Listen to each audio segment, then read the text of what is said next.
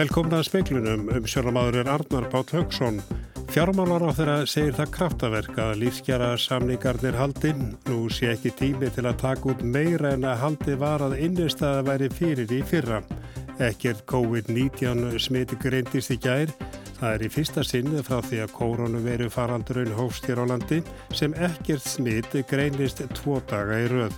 Stöðningur við ríkistjórnuna mælist nú rúm 60% samkvæmt eh, þjóðarpúlsi Gallups. Kórnveiran barst til Evrópu fyrir áramót. Þetta segir franskulæknir sem meðhandlaði sjúkling með COVID-19 í desember. Kærur vegna heimilisofmyndis í Úslandi hafa meirinn tvöfaldast síðustu vikur.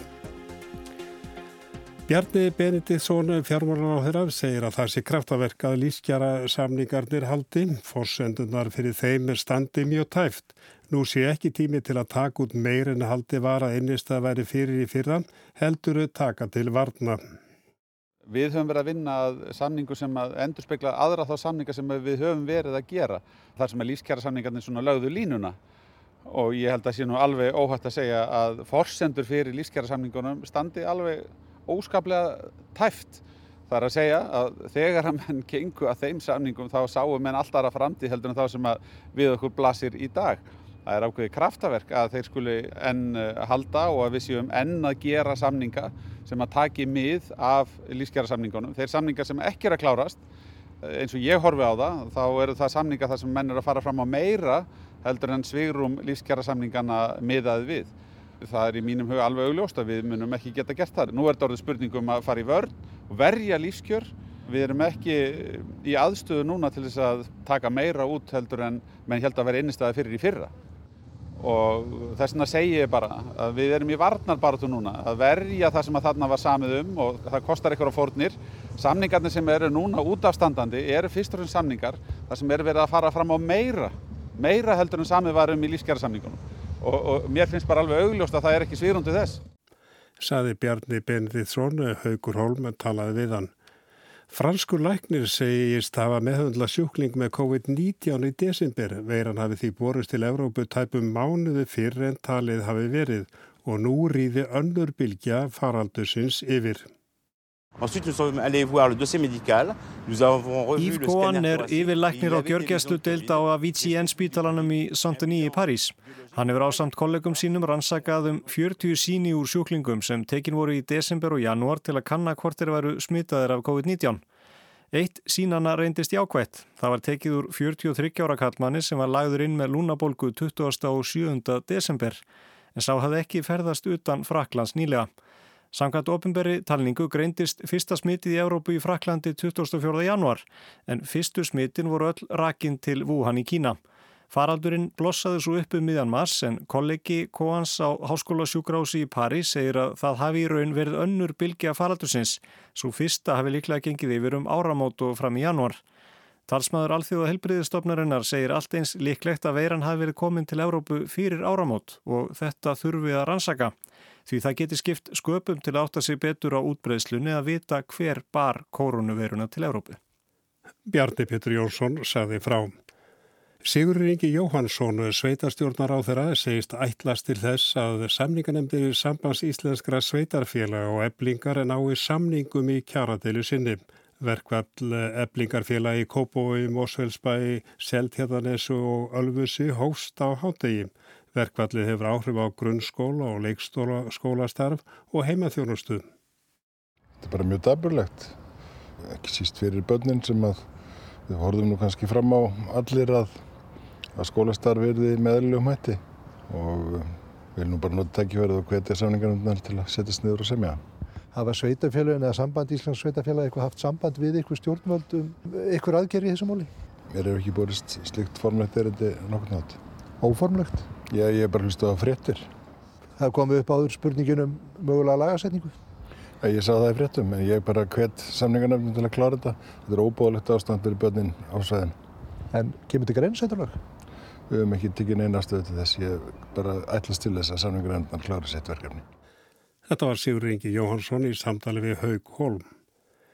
Stuðningur við ríkistjórnuna mælist nú rúm 60% sangvant þjóðarpúsi Púlsi Gallup sem byrtur var í dag. Stuðningur við stjórnina hefur aukist um 14% stig frá upphafi árs. Fylgi flokkana breytist lítið milli mánuða. Stuðningu við ríkistjórnina eikst um liðilega 6% steg millimælinga og segist rúmlega 61% þeirra sem taka afstöðu stiðjana. Stuðningu við stjórnina hefur ekki mælst meiri síðan í februar árið 2018. Littlar breytingar eru á fylgiflokkana eða á bylinu 0,2 til 1,6 prósentustig. Leila fjóruðungur segist myndi kjósa sjálfstæðisflokkin færu kostningar til alþingis fram í dag. Nær 14% samfylkinguna og sama hlutfall vinstri græn. Röskla 10% segjast myndu kjósa pírata, 10% viðrest, nær sama hlutfall miðflokkin, rífla 8% framsóknarflokkin og rúmlega 4% flokk fólksins og 4% sósélistaflokkin. Tæplega 11% segjast myndu skila auðu eða ekki kjósa og rúmlega 12% taka ekki afstöðu eða neyta að gefa hann upp. Marja Sýrún Hilmarsdóttir sagði frá. Kærur vegna heimilisofbeldis í Rúslandi hafa meirinn tvöfaldast síðustu vikur. Mannreitinda samtök þar í landi hafa alvarlegar áhyggjur af ástandinu. Mannreitinda frömmuðurinn Tatjana Moskalkova greindi fjölmiðlum frá þessari fjölgun í dag.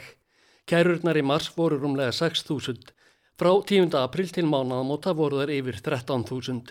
Stjórnvaldi í Moskvu hafa skipað fólki að halda sig heima til að hæja útberðislu koronaveirunar.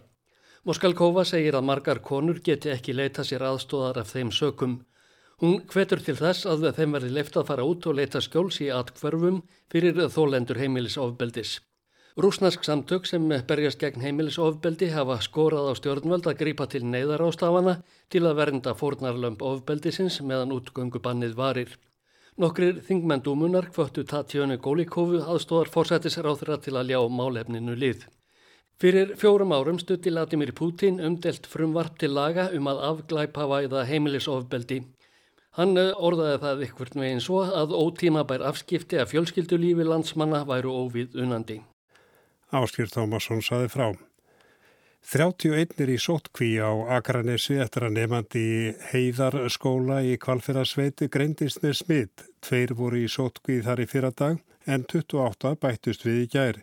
Sigriður Lára Kummarsdóttir, skólastjóri heiðarskóla, sér að aðgreininga námsflokkan í samkómubanni hafi borið góðan árangur því aðeins einn nefndahópur af fjórum hafi þurft að fara í sótkví.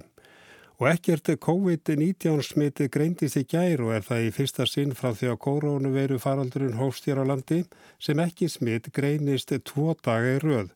Aðeins 56 eru í einangrun með staðfest smit og hafa ekki verið færri frá því í byrjun mars. Nú þegar verið er að slaka á sótvarnareglum hefur verið margi trekað lítið þurfi til að COVID-faraldurinn tækis upp aftur eða, eða það kom upp hópsmitt Dæmi frá Svíþjóð sínir vel að einn maður getur auðveldlega smitað fjölmarka í kringum sig. Sextu sammali í Stokkólmi í mars hafði óvæntar afleðingar. Gestinnir virtustu vera á einu máli. Þetta var stórkoslegt afmæli. Skemmtilegt fólk í góðu stuði, veistla sem þærði talað um í mörg ár. Um 100 gestir komu í 60 sammælið sem var haldið í einbílisúsi í útkverfi Stokkólms. Þetta var laugardagur 7. mars. Á norður Ítalíu voru yfirvöld að vakna upp við vondan draum og ákveðið að setja nokkur héruð í sóttkví vegna útbreyðslu koronaveirunar. Í Danmörku var ákveðið að takmarka samkomur við 1000 manns. Ferðafólk frá Norðurlöndunum og víðar var að snúa aftur úr skíðaferðalögum og hætt við að einhverjir tækju vírusin með sér heim.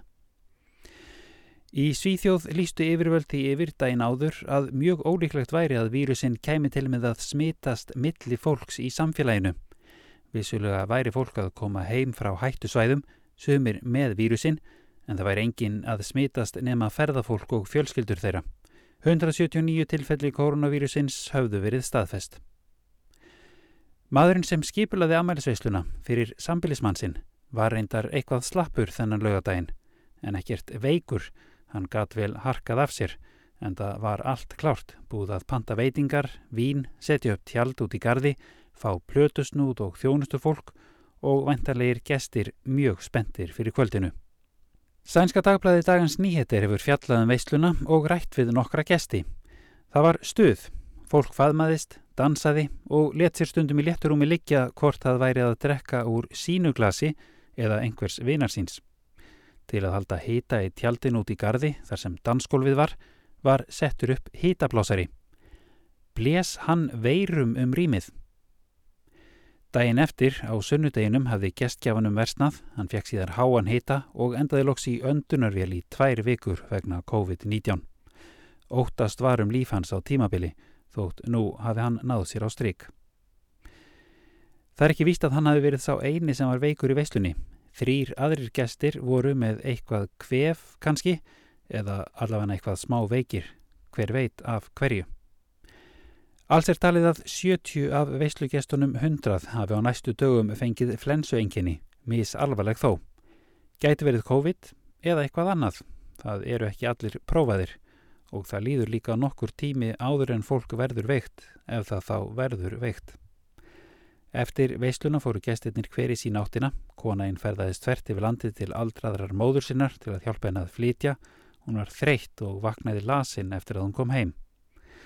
Annar gestur fór með flugi til Fraklands og fann í fluginu heim til Svíþjóðar að hún væri orðin hundveik. Sá þriðji tók lestina til Kaupmanafnar og svo aftur til Stokkólms. Hverja hitti þetta fólk á ferðum sínum og hverja hitti það í sínu daglega lífi? Í afmælinu voru kennarar, læknar og aðrar starfstjéttir sem umgangast fjölda fólks á degi hverjum. Sextugsamælið í sænska útkverfinu er dæmi um það hvernig smitt getur borist til tuga eða hundruða frá einum eða örfáum lítið veikum einstaklingum. Á seipaðan hátt af að fjölmörg döðsföll verið rakin til bænastundar í Fraklandi um miðjan februar þar sem um 2500 manns komu saman og fólk kistist og faðmaðist. Um samaleiti er talið að fjölmarkir hafi smitast í þýskum smábæ á hátíð. Frægasta dæmið er þó líklega frá Ítalíu þar sem um 40.000 manns sóttu knattspyrnuleik 19. februar viðburð sem líst hefur verið sem veiru sprengingu. Þetta var Kári Gilvarsson í Gautaborg. Dæmið um 60 samalið sínir að það þarf ekki mikið til að smita marga í kringum sig.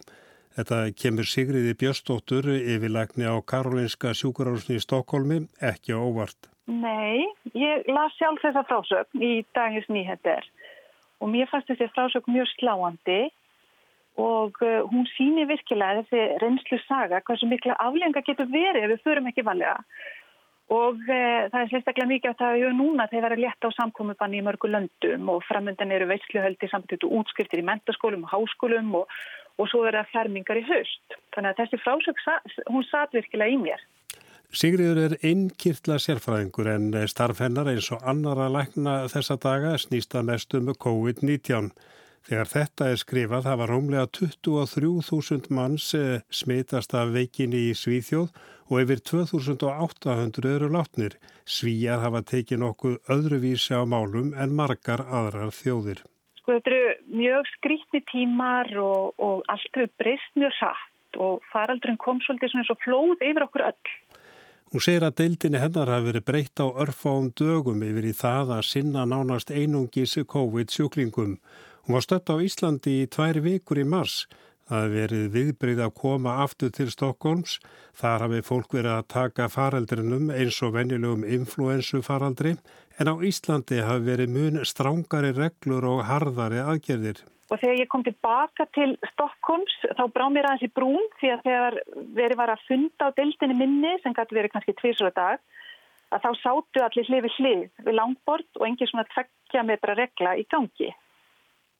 Og ég sem íslendingu byrjaði að koma með aðtjóðsendi hvort við ættum ekki að dreifa úr okkur og kannski skipta okkur í tvo hópa svo við getum minka áhættu og smiti og hættuna á að margi myndi veikja þess sama tíma. En nú svona í miskoðan jarðveg og það var ekki miklu breytt, get ég sagt. En e, það er svolítið munur á spítulum að sér það. Það er svona vinnureglu varandi sóttkví, er til dæmis aðeins öðruvísi hér. Og það verðist vera, vera ólíkt milli landa. Og sem dæmi er að veist, eitt kollegi minn sem ég hafi unnið mikið við, hann veiktist að COVID-19.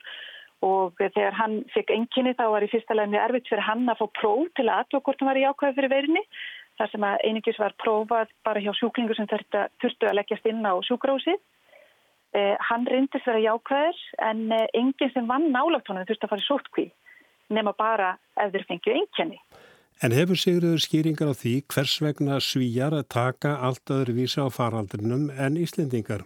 Ég held að í byrjun að þá hafi maður meira að hugsa þetta sem svona vennulegan influensu faraldur og eh, maður hafi í rauninni kannski ekki alveg séð hversu hættulega þessi veira er. Þannig að það voru ekki eins harðar aðgerðir í byrjun en síðan dreifðist hún bara mjög hrætt og það sem auðvitað var sorglegt var að hún hafi dreifst inn á elliheimili og þannig voru til dæmis helmingur af öllum elliheimilum komið með smitt og hún dreifðist líka hrætt á meðal, e, meðal innflytjanda þannig að mjög margir sem hafa verið innlikjandi hjá okkur eru innflytjandur þannig og þá, þá er svolítið erfitt að bremsa þegar dreifingin er orðin svona hröð og það hefur kannski verið svona helsta ástand og þeir hafa ekki verið með eins harðar, harðar aðgerðir eins og Íslandi.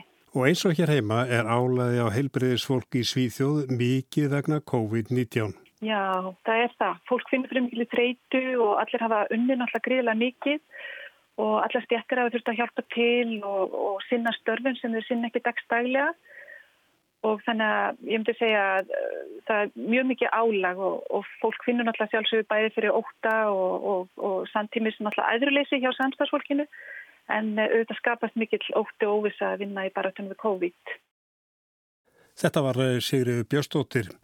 COVID-19 er svartur fíl. Nei, þetta er ekki byrjun á atomljóði heldur fræðilegt mat Karls Friðrikssonar. Hann er stjórnanformaður framtíðasettur Íslands, félag sem ætlað er að verða leiðandi rannsóknarsettur á sviði framtíðafræði. Framtíðafræðingar rína í sviðsmyndur og drivkraft og fyrir þeim er framtíðin í flirtölum. Karl vonar að faraldurinn verði til þess að flýta framtíðinni eða framtíðunum. Bleikur fíl er vandamál sem ráðamenn afneita, takk ekki tillit til þegar þeir taka ákvarðanir um framvindumála. Svartir svanir eru sannarlega fordæma lausir, komið eins og þrjum ár heiðskýru lofti. En nýji kórunuveiru faraldurinn er kvorugt. COVID er svarti fílinn, eh, vegna þess að eh, veirisíkingar hafa átt sér stað frá manna minnum og, eh, og eh, við höfum upplifað ímsa eh, viðbörði í tengslu við líka eh, heimsfaralda eins og spænsku veikina og svo framvegs og frávegis. Svartir fílar eru óvæntir en það hefði verið hægt að sjá þá fyrir. Karl segir að það hefði verið gerðar sviðsmyndur um heimsfaraldra en þær hafi vakið lítinn áhuga og margir ekki tekið þær alvarlega. Útráð sem við fórum við heimsins að þá höfum við frekar uh, sofið á verðinum og, og hefði þess að geta verið miklu betur undir búin ef við hefum ekki verið þessi einlegni trú okkar að, að, að lífið myndi bara alltaf ganga fyrir sig og ábreyttan hátt. Eitt helsta tæki framtíðarfræðinar er sviðsmyndagreining. Þá er hort til ákveðina þátta, svo kallara drivkrafta. Markmið sviðsmyndana er að skapa samfélagslega umræðu og vika át hugmyndaheim fólks. Þeir eru alls ekki spár, heldur tæki til að draga fram ólíkar framtíðir. Það er þurfa hins vegar uh, vera gerðar þannig að af þeim aðlum sem vilja og hafa svona leiðandi afl í, í, í að taka afstöðu og breyta með tillit til eh, þeirra sviðsmynda eða framtíða sem settur um fram. Fólksins sem getur komið að því að hanna framtíðina sem sagt. Karl segir að sviðsmyndir hafa oft sannað gildi sitt. Á upphásárum sviðsmyndagreininga eftir setna stríð hafi bandarískir fræðimenn til dæmis dreyið fram sviðsmyndir af atburðarás sem hrind geta af stað kjarnorsku stríði. Margir segja þetta af átt þátt í að koma í vekk fyrir kjarnorkustrið.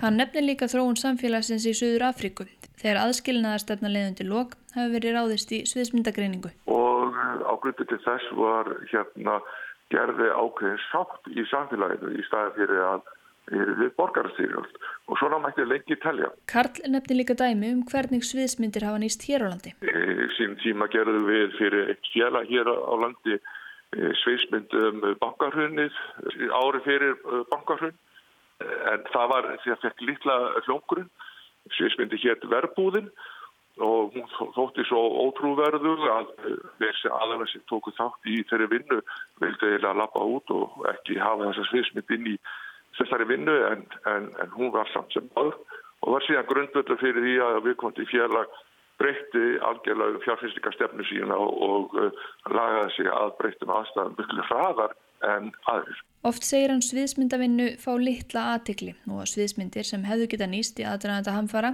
komi fyrst upp úr skúfunum þegar þær hafa skollið á. Sumum finnst þetta kannski óþarfa hugarórar framtíðar músík, líta á framtíðina sem óskrifa blað og telja gagslust af veldinni fyrir sér. Kórnuveiru faraldurinn hefur gjörbreytt veruleikunum á örfáum vikum. Margir haldaði fram að faraldurinn leiði til varanleira breytinga á ymsum sviðum, til dæmis á skólastarfi, fyrrkomulagi vinnu, alþjóðlegum framleðsluferlum, ferðaháttum, hlutverki ríkisins, gildismati, því hvernig fólk heilsast. Í vefriðinu Conversation notar hagfræðingurinn Simon Mer aðferðir framtíðafræðinar til að velta fyrir sér áhrifum faraldursins. Hann skoðaði tvo ása og fjóra drifkrafta, annars vegar áhrif miðstýrðra viðbræða eða dreifstýrðra og hins vegar hvort leiðarljós yfirvalda verða vernda líf eða hagnað og, og hins vegar hvort leiðarljós yfirvalda verða að vernda líf eða hagnað og skipta verðmæti fyrst og fremst. Hann sá fyrir sér fjórar framtíðir, ríkiskapitalisma, ríkissocialisma, upplusnar ástand eða samfélag þar sem sjálfsbrotnir hópar taki frumkvæði og aðstóðu hver annan. Karl segir þá drivkrafta sem áhugavert er að skoða ráðast af því hvort verið sé að bregða upp sviðsmyndum fyrir fyrirtæki, stopnun, atvinnusvæði eða samfélagi hild. Bara sem dæmi um, um svona krafta sem uh, gætu haft áhrif á uh, framlendu málaði, til dæmis hvort að við verðum í opnu samfélagi eða lókuðu samfélagi. Það er sem sagt á sem væri mjög áhugavert að skoða. Uh, við gerðum í sjálfið sér sviðsmynd við sínum tíma hérna fyrir nokkur máru síðan, sem við það sem kom fram svona frói sem hugsalega gæti vera að eiga sér stað, við kallum hana Jötunheima, þar sem uh, fyrirbyrðið eins og Evrópussambandi og fleiri svona að því á stopnarnu uh, urðu uh, voru, voru loðið niður og, og það myndaði svona meiri svona ríkjasambund að milli frekar en svona alþjóðasambund. Hann nefnir líka drivkraft að tengta gerfigreind, snjallusnum og breyttum samfélagslegum viðhorfum. Karl varar við hagsmunatengdri þróun því að verja það sem þegar þetta staðar og hafna breytingum. Þarna er hann þó ekki að vísa til aðgerðapakka stjórnvalda, það sé mikilvægur björgunarhingur. Hann eigi við mikilvægi þess að hagsmunir standi ekki vegi fyrir æskilegri þróun árum saman. Hann segi tímanna spennandi, við séum í auga stormsins og þar sé gott að fara í alls konar stefnumótun. Því kringum augað séu alls konar breytingar og með því að aðlaga okkur að þeim getum við komið öflugri út úr storminum. Margir spá mestu kreppu í sögunni. Antonio Guterres, aðalritari saminuðu þjóðuna, hefur áhyggjur á því að faraldurinn leiði til stríðsátaka. Karl segir mikilvægt að vera viðbúin öllum sviðsmyndum. Það megi þó ekki einblýna á eina mynd. Alveg grundallatriði að, að, að, að skoða framtíðina í fyrstölu. Það er bara grundallatriði, vegna þess að við einblýnu bara eina framtíð, setjum tjáltælið þar, að þá verður það til þess að við verðum kannski í berskjöldu gagvart til breytingu sem eigum sig stað. Og ég held að vel til texta þá sjáum við núna á næstunni svona bylgjur Bylgja 1 er svona minnháttabreiting, bylgja 2 er veruleg breyting á sviði sko mettunar og, og, og, og helbriðsmála, fjárvinnslu, róttakari breytingar og svo framvegis.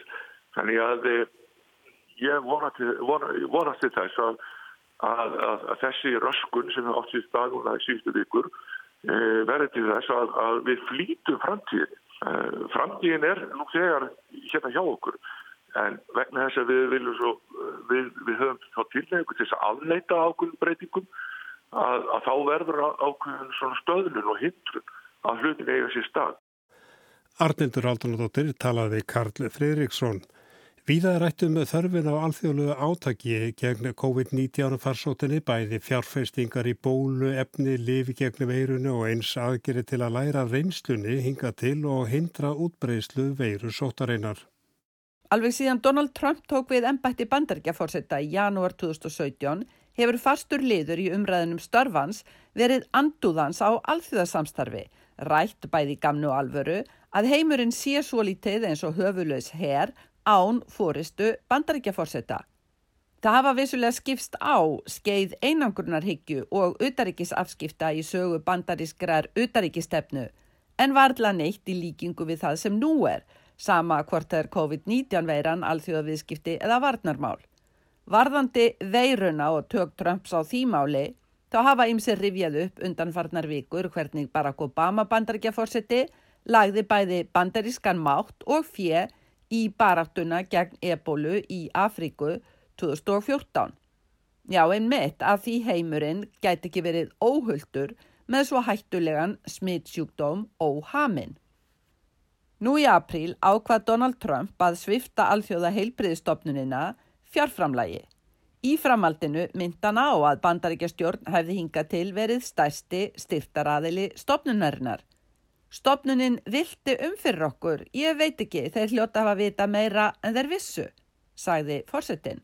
We are by far the largest contributor to WHO, World Health, and uh, they misled us.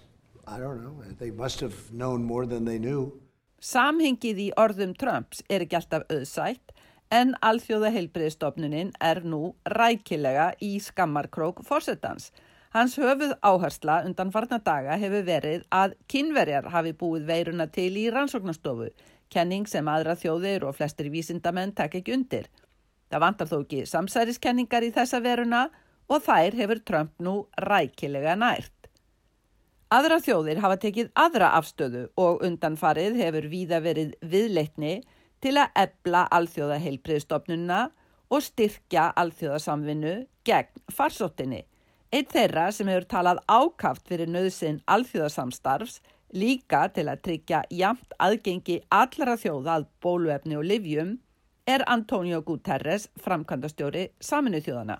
Not a vaccine or treatments for one country or one region or one half of the world, but a vaccine and treatment that are affordable, safe, effectively, easily administered and universally available for everyone, everywhere.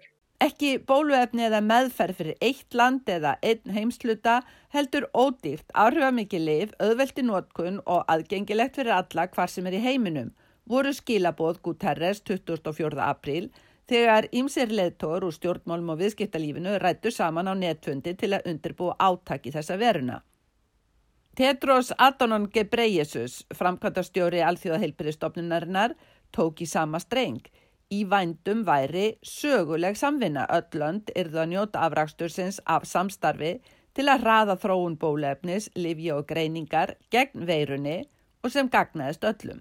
This is a landmark collaboration to accelerate the development, production, and equitable distribution of vaccines, diagnostics, and therapeutics for COVID-19. Emið þetta jafna aðgengi er líkilatrið í huga þeirra sem sjá heiminn sem eina heild. Heild þar sem einstakir heimslutar eru berskjaldadir ef COVID-19 veiran næra býta sig fasta einhver staðar sama þótt höf og heimsalfur sjá milli. Áfram hægt á að smiti berist til landa sem hafa talið sér laus við óværuna. Í framaldinu funduðu stjórnmálaleðtogar á mánudaginn aftur þetta að taka á veiru faraldrinum sem alþjóðlegri vá. Fundurinn var haldinn að undirlægi Európusambandsins, Noregs, Kanada, Breitlands, Þískalands, Fraklands, Ítalju, Japan og Sátiarabíu. Tilgangurinn að tryggja fjármagn í rannsóknur og þróun COVID-19 bólefnis og lækninga. Alls hafa sapnast 8 miljardar bandaríkjadala í þetta áttak. Melinda Gates ávarpaði fundin, hún og maðurinnar Bill Gates hafa um árabil lagt fér til rannsókna á malaríu víðum heim. Nei, bandaríkjaforsetti tók ekki þátt í fundinum, heldur engir bandarískir fulltrúar. Vladimir Putin, rúslandsforsetti, leiti fundin einni hjá sér. Eftir tæpa fjögur ára vist Trumps í hvítahúsinu eru leiðtogar einstakra landa og alþjóðastofnuna vissulega ornir vanir þeim vindum sem þaðan blása. Vita sem er að bandaríkja fórseti er öldungis ekki hallur undir alþjóðarsamvinnu, bæð af hugmyndafræðilegum ástæðum, en kannski einnig af því að hann verist ekki finna sig í leðtúa hlutverkinu á alþjóðavettongi.